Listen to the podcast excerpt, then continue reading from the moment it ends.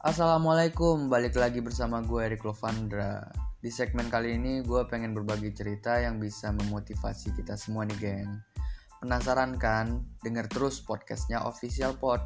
Pasti akan selalu ada yang menarik.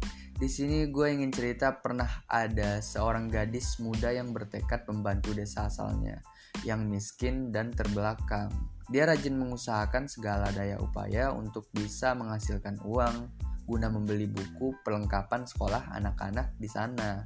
Tetapi sehebat apa pun usahanya, terasa masih saja serba kekurangan. Hingga suatu hari, dia mendapatkan janji bertemu dengan seorang yang kaya di kota dengan harapan si tuan kayak mau memberi sumbangan uang. Setelah bertemu, si gadis muda menceritakan keadaan desanya dan sarana pendidikan yang jauh dari memadai serta memohonkan bantuan untuk mereka.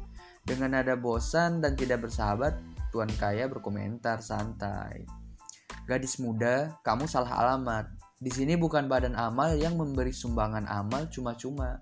Kalau memang anak-anak desamu tidak bisa sekolah, ya itu nasib mereka. Kenapa aku yang harus membantu? Tanpa dia mempercayai sedikit pun ketulusan ketulusan gadis muda di hadapannya. Dengan pandangan tidak berdaya dan putus asa, si gadis tahu usahanya telah gagal. Tetapi sebelum pergi, dia mencoba berusaha yang terakhir, Tuan, kalau boleh, apakah saya bisa meminjam sekantong bibit unggul biji kacang tanah yang Tuan hasilkan selama ini? Anggaplah hari ini Tuan telah membantu kami dan saya berjanji tidak akan mengganggu Tuan lagi. Dengan heran dan ingin mengusir si gadis, tanpa basa-basi segera diberinya sekantong bibit kacang tanah yang diminta.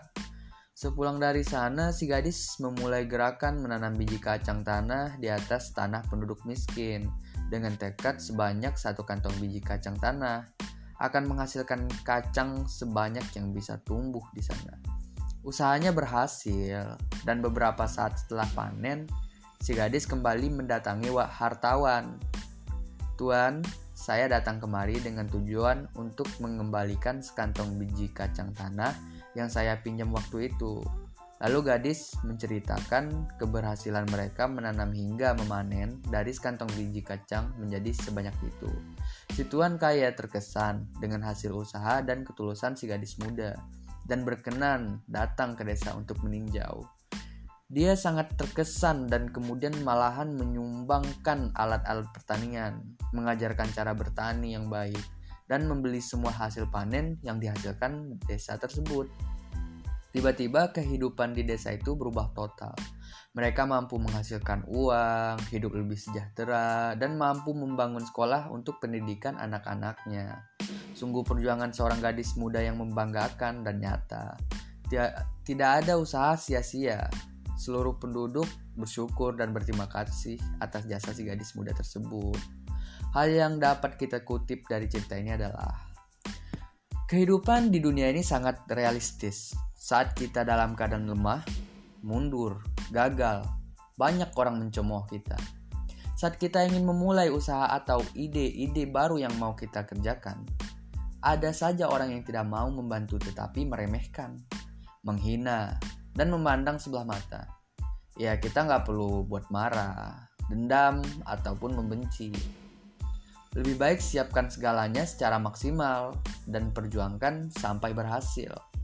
Setelah ada bukti sukses, baru orang akan percaya dan lambat atau cepat akan memberi pengakuan kepada kita. Tapi jangan heran, saat kita sukses ada juga orang yang menunggu kita untuk jatuh. Maka yang paling utama adalah sikap kita. Sewaktu kita gagal dan diremehkan, tidak marah. Sewaktu kita sukses, tidak lupa diri. Walaupun nanti kita sukses, tetap rendah hati dan tetap optimis menciptakan kesuksesan yang lebih besar. Ya, semoga dari cerita tersebut bisa membuat kita semangat untuk menggapai apa yang kita inginkan. Gue Erik Lovandra, sekian dari gue. Sampai jumpa di cerita inspiratif berikutnya. See you next time. Dadah.